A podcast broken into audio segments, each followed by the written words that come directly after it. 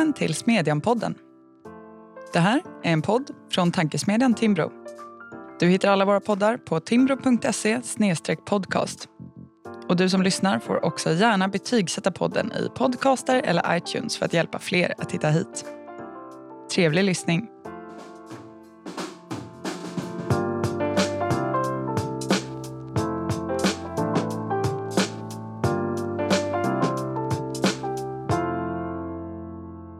Jag heter Katarina Karkiainen och idag ska vi prata om Timbros valmanifest. Ett år kvar till valet och ett antal reformer som vi tror hade gjort Sverige bättre och friare. Varför släpper en tankesmedja ett valmanifest egentligen? Vilka är förslagen för mindre utanförskap, lägre arbetslöshet, mer personlig frihet och ett starkare näringslivsklimat?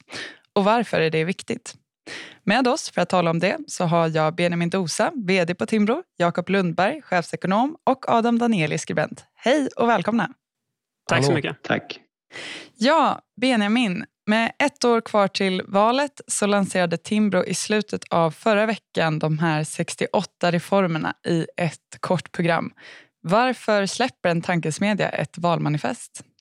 Ja, det är en bra fråga. Eh, en tankesmedja ska ju Eh, snarare opinionsbilda kring de långa linjerna i politiken snarare än de korta bollarna. Eh, och det är klart att vi förhoppningsvis klarar av att göra båda två samtidigt. Eh, bakgrunden till varför vi släpper det här valmanifestet är för att vi i grund och botten tycker att mycket av den politiska debatten snarare handlar om hur politiker ska satsa andra människors pengar än hur välstånd och hur nya skatteintäkter kan skapas.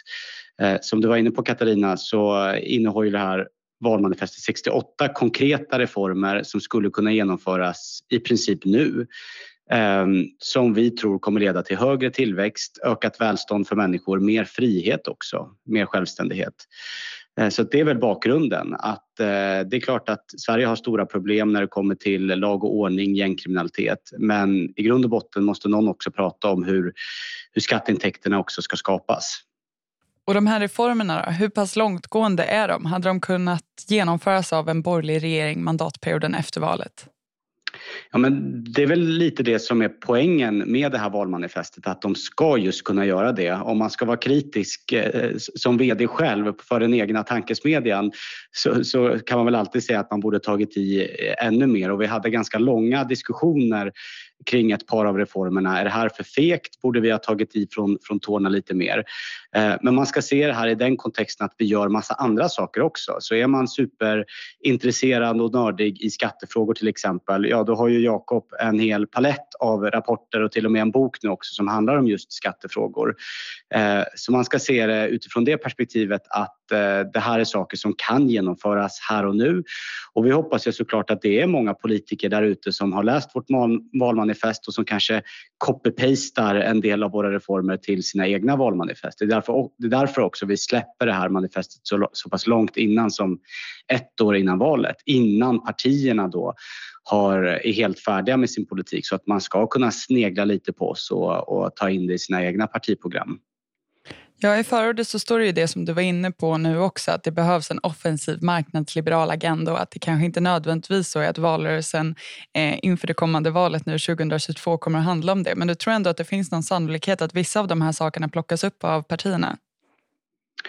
Ja exakt, även om eh, stora delar av eh, debatten och eh, inför valrörelsen så kommer säkert inte partiledardebatterna handla om hur man ska reformera miljöbalken eller om man ska halvera kapitalskatterna. Så hoppas vi såklart att de frågorna finns kvar och finns med i bakgrunden och i eh, partiernas program.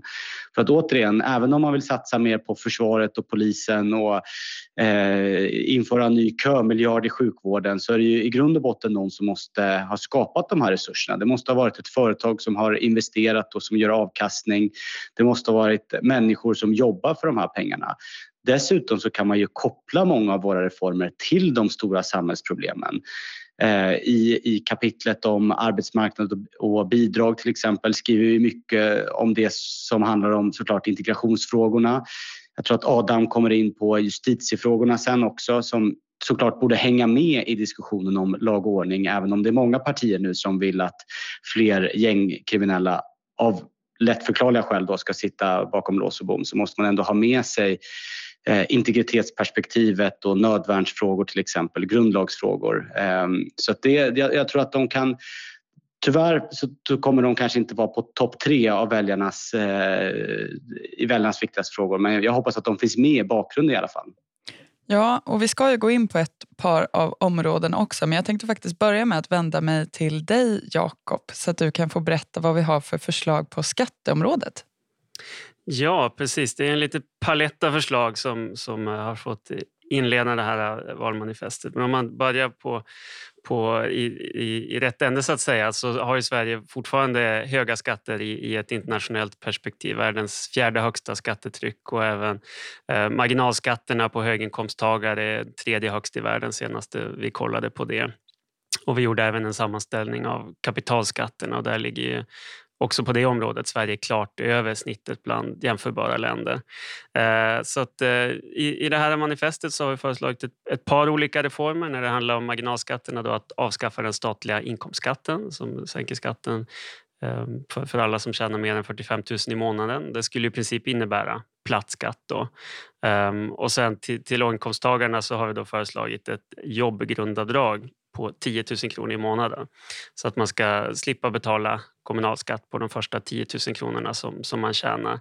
Eh, och det ersätter då jobbskattavdraget så att man på ett tydligt och transparent sätt får behålla mer av sin lön eh, är ju tanken med det och göra det mer lönsamt att arbeta för den som står utanför arbetsmarknaden. Sen har vi många andra förslag också. Det är halvera bolagsskatten, eh, mycket lägre kapitalskatter som Benjamin nämnde, att man sänker till 15 procent över hela linjen. Och även på, på kommunalskatterna så har vi ett förslag där. Eh, kommunalskatterna har ju eh, ökat nästan varje år de senaste decennierna. Eh, så där föreslår vi en kommunalskattebroms och en sån fanns faktiskt på 90-talet när Göran Persson såg det här problemet. Och en kommunalskattebroms innebär att en kommun som höjer skatten bara får behålla hälften av den intäktsökningen. Så att man drar ner statsbidragen lite grann till, till den som höjer kommunalskatten så att vi helt enkelt kan få, få stopp på den här utvecklingen som ju inte är hållbar på längre sikt förstås. Ja, men det är ju som du säger allt från eh, den statliga inkomstskatten till momsen till den här kommunalskattebromsen. Om du ska få lägga ut texten lite mer, vad är där, vad är problemen som man ska komma till rätta till med de här förslagen och kanske liksom, vad är de viktigaste delarna av det? Ja, alltså problemet med skatter överlag är ju att det gör det mindre lönsamt att eh, jobba, utbilda sig, investera och spara och, och driva företag. Eh, och dessutom så är skatterna utformade på ett sådant sätt att de skadar samhällsekonomin i onödan. Att man, till exempel olika momssatser gör att konsumenterna lägger pengarna inte på det som ger bäst nytta utan på där skatten råkar vara lite lägre. Och, eh, när det gäller kapitalskatterna orsakar olika typer av inlåsningseffekter och så vidare. Gynnar eh, äldre bolag som har lätt att låna och har upparbetat kapital istället för nya entreprenöriella bolag. Eh, så att eh, det här alla de här reformerna löser eller mildrar åtminstone de här problemen. Sänker man kapitalskatterna så minskar man inlåsningseffekterna i bolag och, på börsen till exempel. Eh, och när det gäller rörligheten på arbetsmarknaden eller på bostadsmarknaden så föreslår vi att man avskaffar stämpelskatten som är en väldigt onödig och korkad skatt på att belåna och eh, köpa fastigheter som, som är en ren transaktionsskatt. Och det, det hade, hade, fyllde väl ett syfte för hundra år sedan när det var ett smidigt sätt för staten att ta in pengar genom att man helt enkelt stämplade en, en lagfart och så tog man in skatt genom det. Men nu är det ju ett, ett väldigt eh, korkat sätt att ta in skatt på. Ett, ett medskick, tänker jag, i, i diskussionen om kapitalskatter är ju jag menar, alla känner ju till att Sverige har bland de högsta skatterna i världen på arbete men i diskussionen kring kapitalskatt eller skatt på sparande så har ju framförallt vänstern ibland målat upp en bild att Sverige skulle vara någon slags skatteparadis. Eh, och Jakob, du har ju skrivit en rapport för, bara ett halvår sedan där du visar att så inte är fallet. Mm. När vi tittade på, på OECD-länderna som är ungefär 30 stycken så hamnar Sverige på en femte till åttonde plats. Det är lite svårt att jämföra men, men klart över snittet kom vi fram till i alla fall. Så det, det, är helt fel att Sverige skulle vara någon sorts eh, skatteparadis när det kommer till kapitalskatter. Vissa av de här förslagen är ju tänkta att vara självfinansierade, troligen åtminstone. Det skriver du om eh, den avskaffade statliga inkomstskatten. Men med alla de här skatteförslagen eh, tillsammans så tänker jag åtminstone att man hade behövt göra någonting så att säga, på utgiftssidan också. Sånt som vi kanske förvisso tycker är rätt ändå. Men jag tänker nu på avsnitten om ja, men bidrag och socialförsäkringar, näringspolitiken, kanske andra avsnitt också. Vad finns det där?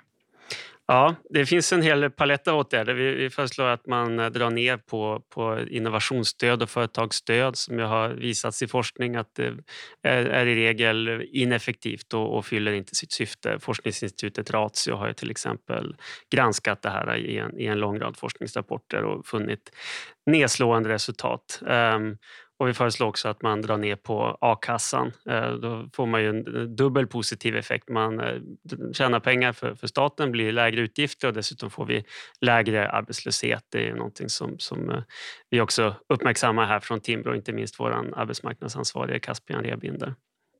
Just det. Det här är väl också ett av de områden som kanske tydligast faller in i den här verklighetsbeskrivningen från förordet. Att eh, valet kommer att handla om annat än kanske en marknadsliberal agenda. Samtidigt så blir ju frågor kopplade till dels det du säger nu men också liksom ekonomi, företagande, arbetsmarknad i stort väldigt viktiga nu efter pandemin.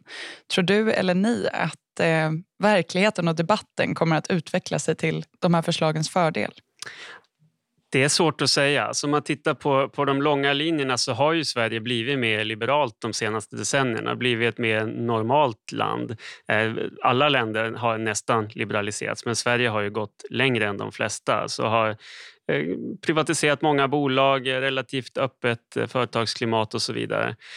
Det som återstår skulle jag säga det är skatterna förstås bostadsmarknaden med hyresregleringen och byggregleringar och så arbetsmarknaden då med höga ingångslöner i, kollektivavtal och så vidare. Och nu har vi pratat om skatterna men även för arbetsmarknaden och bostadsmarknaden finns ett paket med förslag i det här valmanifestet.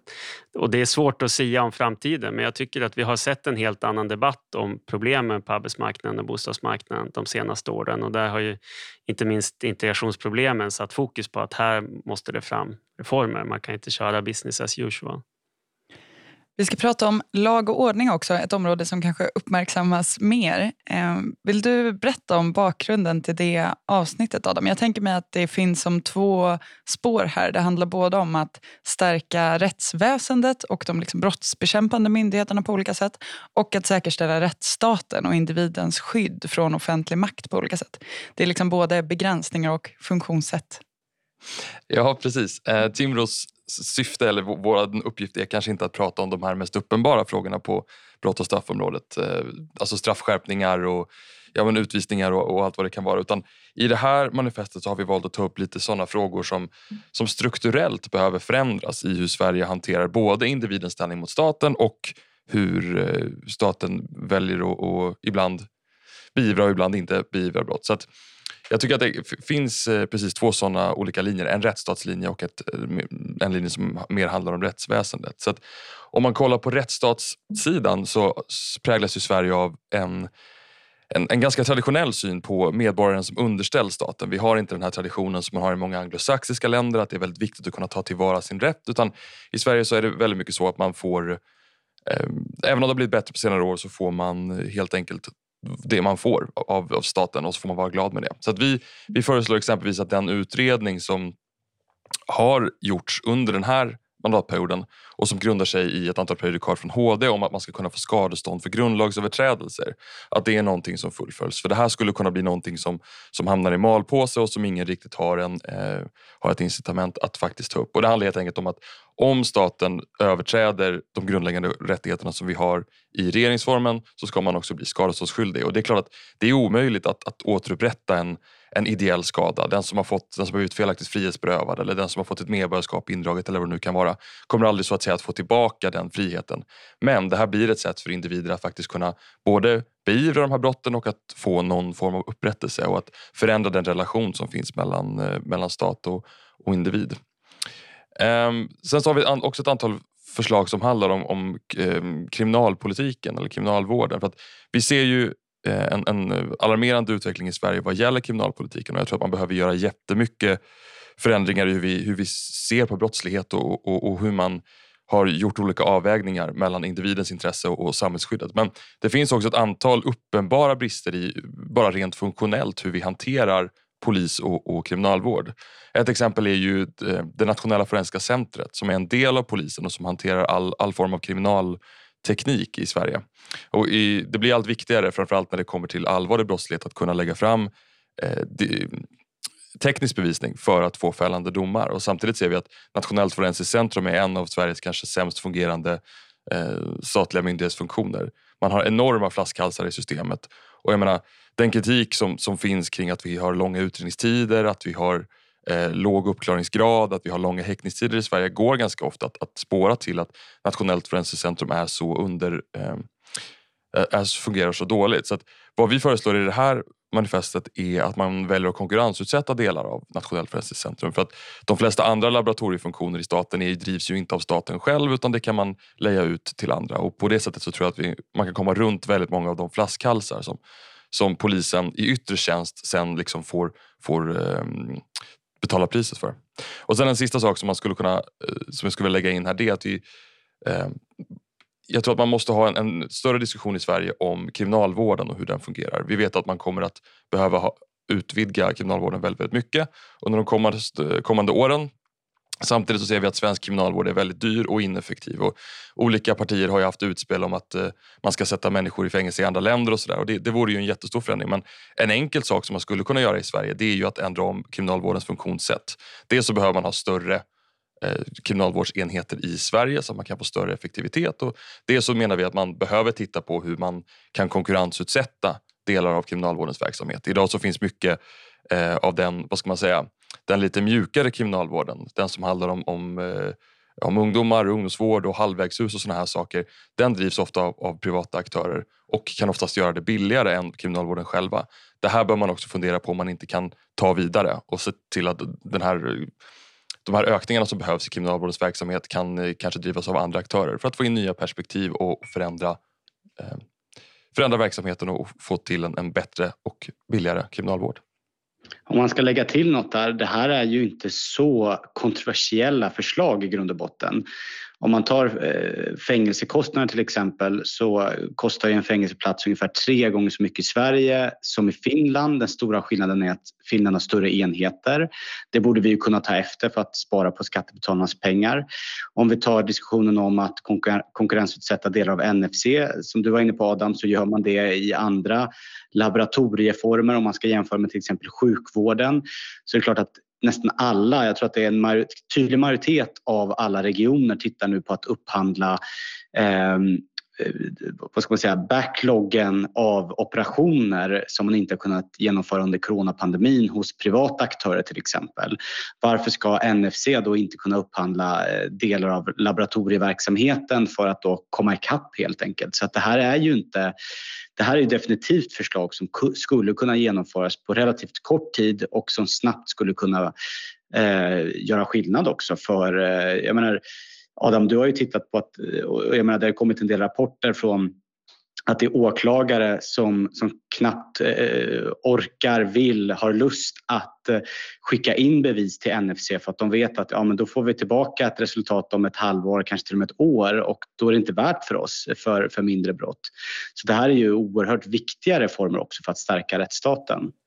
Precis, och jag tror att det finns ganska många reformer som vi, man skulle kunna få ett brett stöd för eh, även i dagens politiska klimat. Vi har till exempel tittat på rättegångskostnader när individer eh, tvistar mot det offentliga. Så att om man vill överklaga ett felaktigt myndighetsbeslut och ta tillvara sin rätt, det kan vara i skattemål eller bygglov eller någonting sånt där, så är huvudregeln idag att man själv får, oavsett utgången, så står båda parterna sina egna rättegångskostnader. Och inte sällan kan det bli ganska betydande belopp, speciellt om man är en, en, en person med, med låga inkomster. Ehm, och huvudregeln är alltså att även om man vinner så får man inte täckning för de kostnader som man hade för att ta tillvara sin rätt.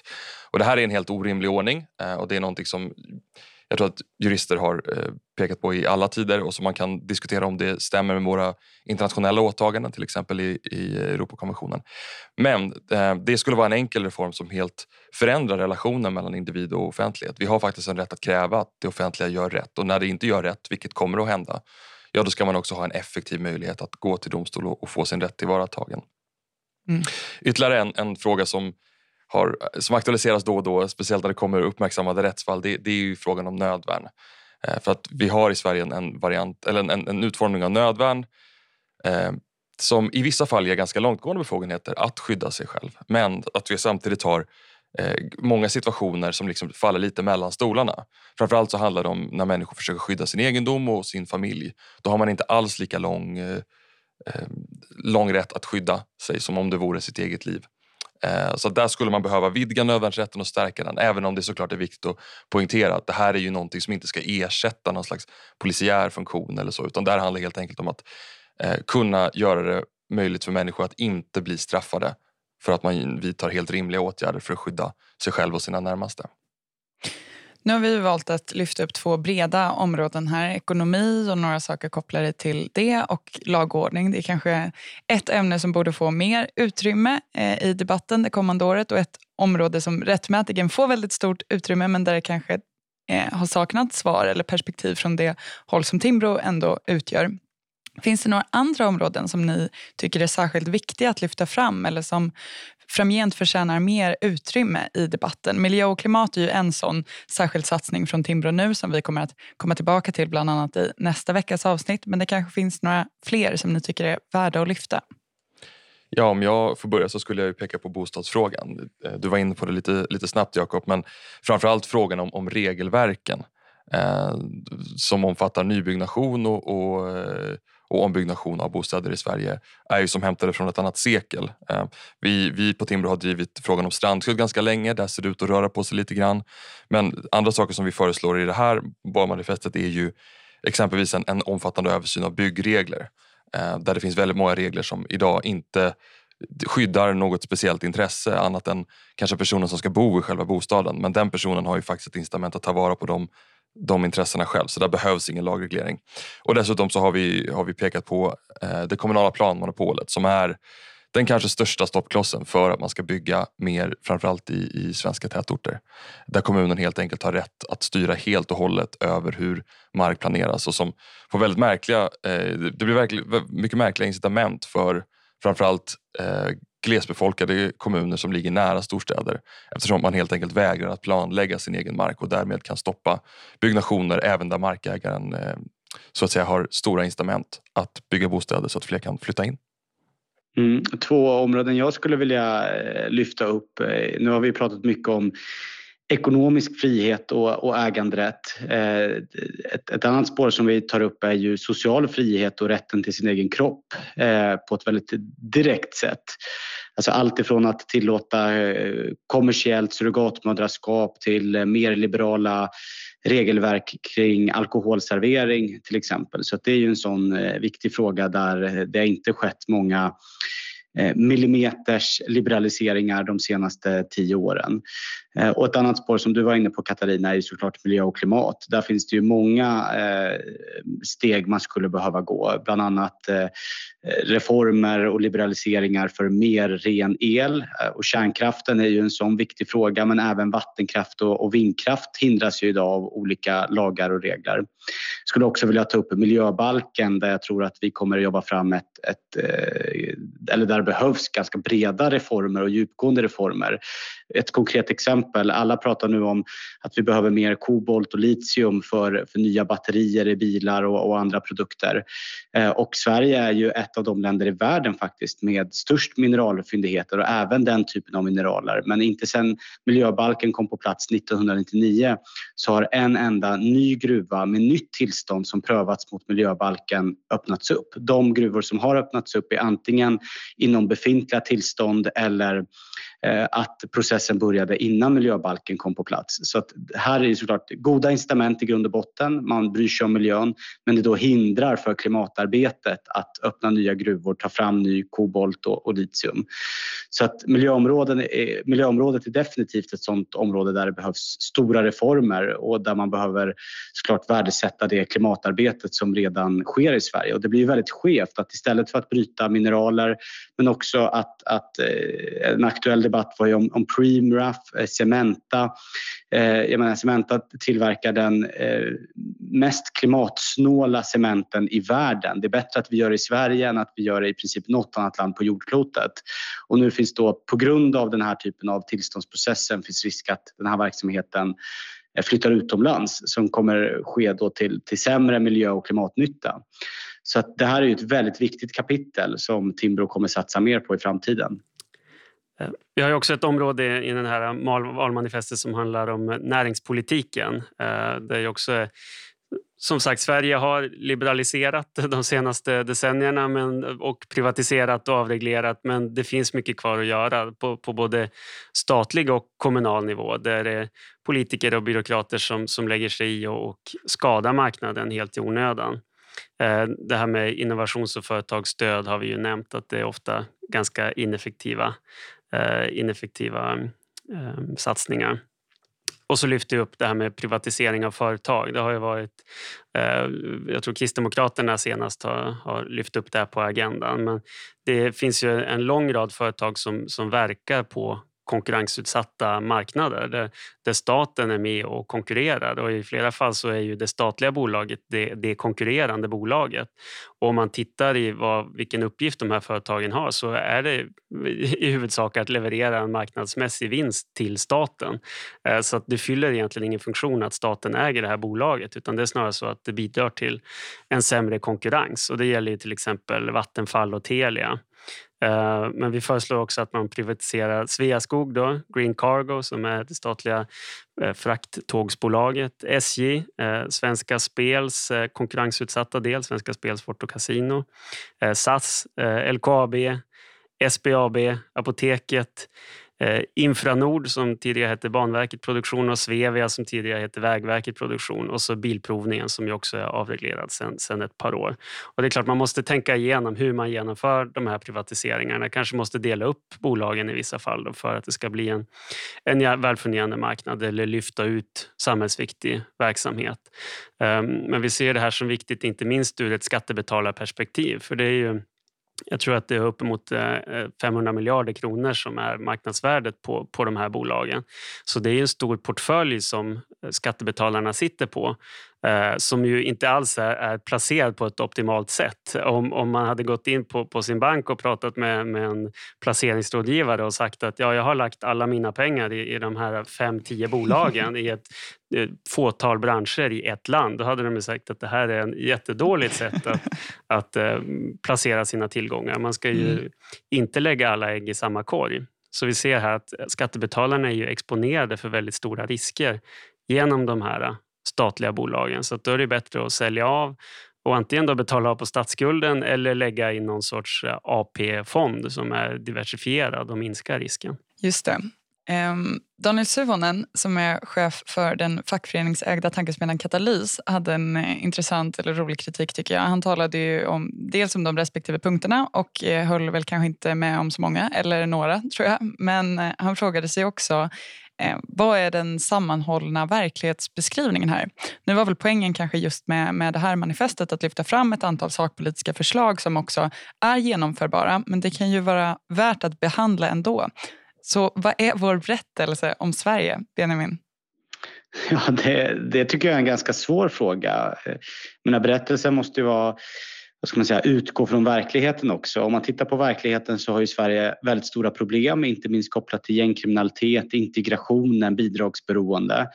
Och vad ska man säga, vänsteranalysen, vänsterberättelsen, Suhonens berättelse om det här är ju att vi har fått de här problemen för att staten har varit för lite aktiv och engagerad. Att man har öppnat upp för få fritidsgårdar, att ojämlikheten har dragit iväg vilket då har gött gängkriminaliteten. Eh, jag skulle säga att Sverige är ju ett väldigt märkligt land på det sättet. Tittar man på vissa parametrar så kan man måla upp det som ett av världens, kanske åtminstone eh, Europas bästa land. Alltså riskkapitalinvesteringar per capita högst i hela eh, Europa, en av de högsta i hela OECD. Eh, även BNP, tillväxt, även om tillväxten och produktivitetstillväxten inte varit så hög de senaste åren. Tittar man på Heritage Foundations jämförelse av, av fria ekonomier ligger vi ju också relativt bra till. Så att Sverige är ju ett rikt, välfungerande land å ena sidan eh, och framförallt näringslivet funkar ju väldigt, väldigt bra. Å andra sidan har vi de här stora problemen. Tittar man på skjutningar per capita så ligger vi ju absolut sämst i hela Europa och en av de sämsta i hela OECD. Eh, så att vi är ju både och samtidigt. Eh, och det, det blir en väldigt svår berättelse att utgå ifrån. Hur ska vi fortsätta med det vi är bra på? Jo, det är ju avregleringar, lägre skatter, se till så att vi blir, får ett ännu högre välstånd och får mer pengar att, att spendera på eh, fler poliser, fler lärare i utanförskapsområden och så vidare. Eh, men så har vi å andra sidan de problemen som, då inte, eller som är stora och där staten kanske inte har gjort tillräckligt mycket. Så det är ju, hur, hur målar man upp en sån berättelse som, eh, som fortsätter med det som är bra och som hanterar det som är dåligt? Det är inte helt enkelt, men det är väl någon typ av berättelse om ett, om ett samhällskontrakt som helt eller delvis är brutet. Eh, att det som funkar bra eh, har politiken lite med att göra och det som funkar dåligt borde kanske politiken göra mer av. Och innan man då fokuserar på, eh, på massa andra uppgifter kanske man borde fokusera på kärnan. Så att, eh, jag vet inte om det är så mycket till berättelse men fokus på kärnuppdragen, politiken borde göra mindre och fokusera på, på det man faktiskt ska göra, det vill säga upprätthålla lag och ordning eh, och, eh, och den typen av frågor. Det tycker jag åtminstone är en bra sammanfattning och får nog också lov att bli sista ordet. Så för idag, tack Benjamin, Jakob och Adam. Tack också till er som har lyssnat. Glöm inte att betygsätta podden och läs naturligtvis valmanifestet på timbro.se. Vi ses där och hörs igen här om en vecka.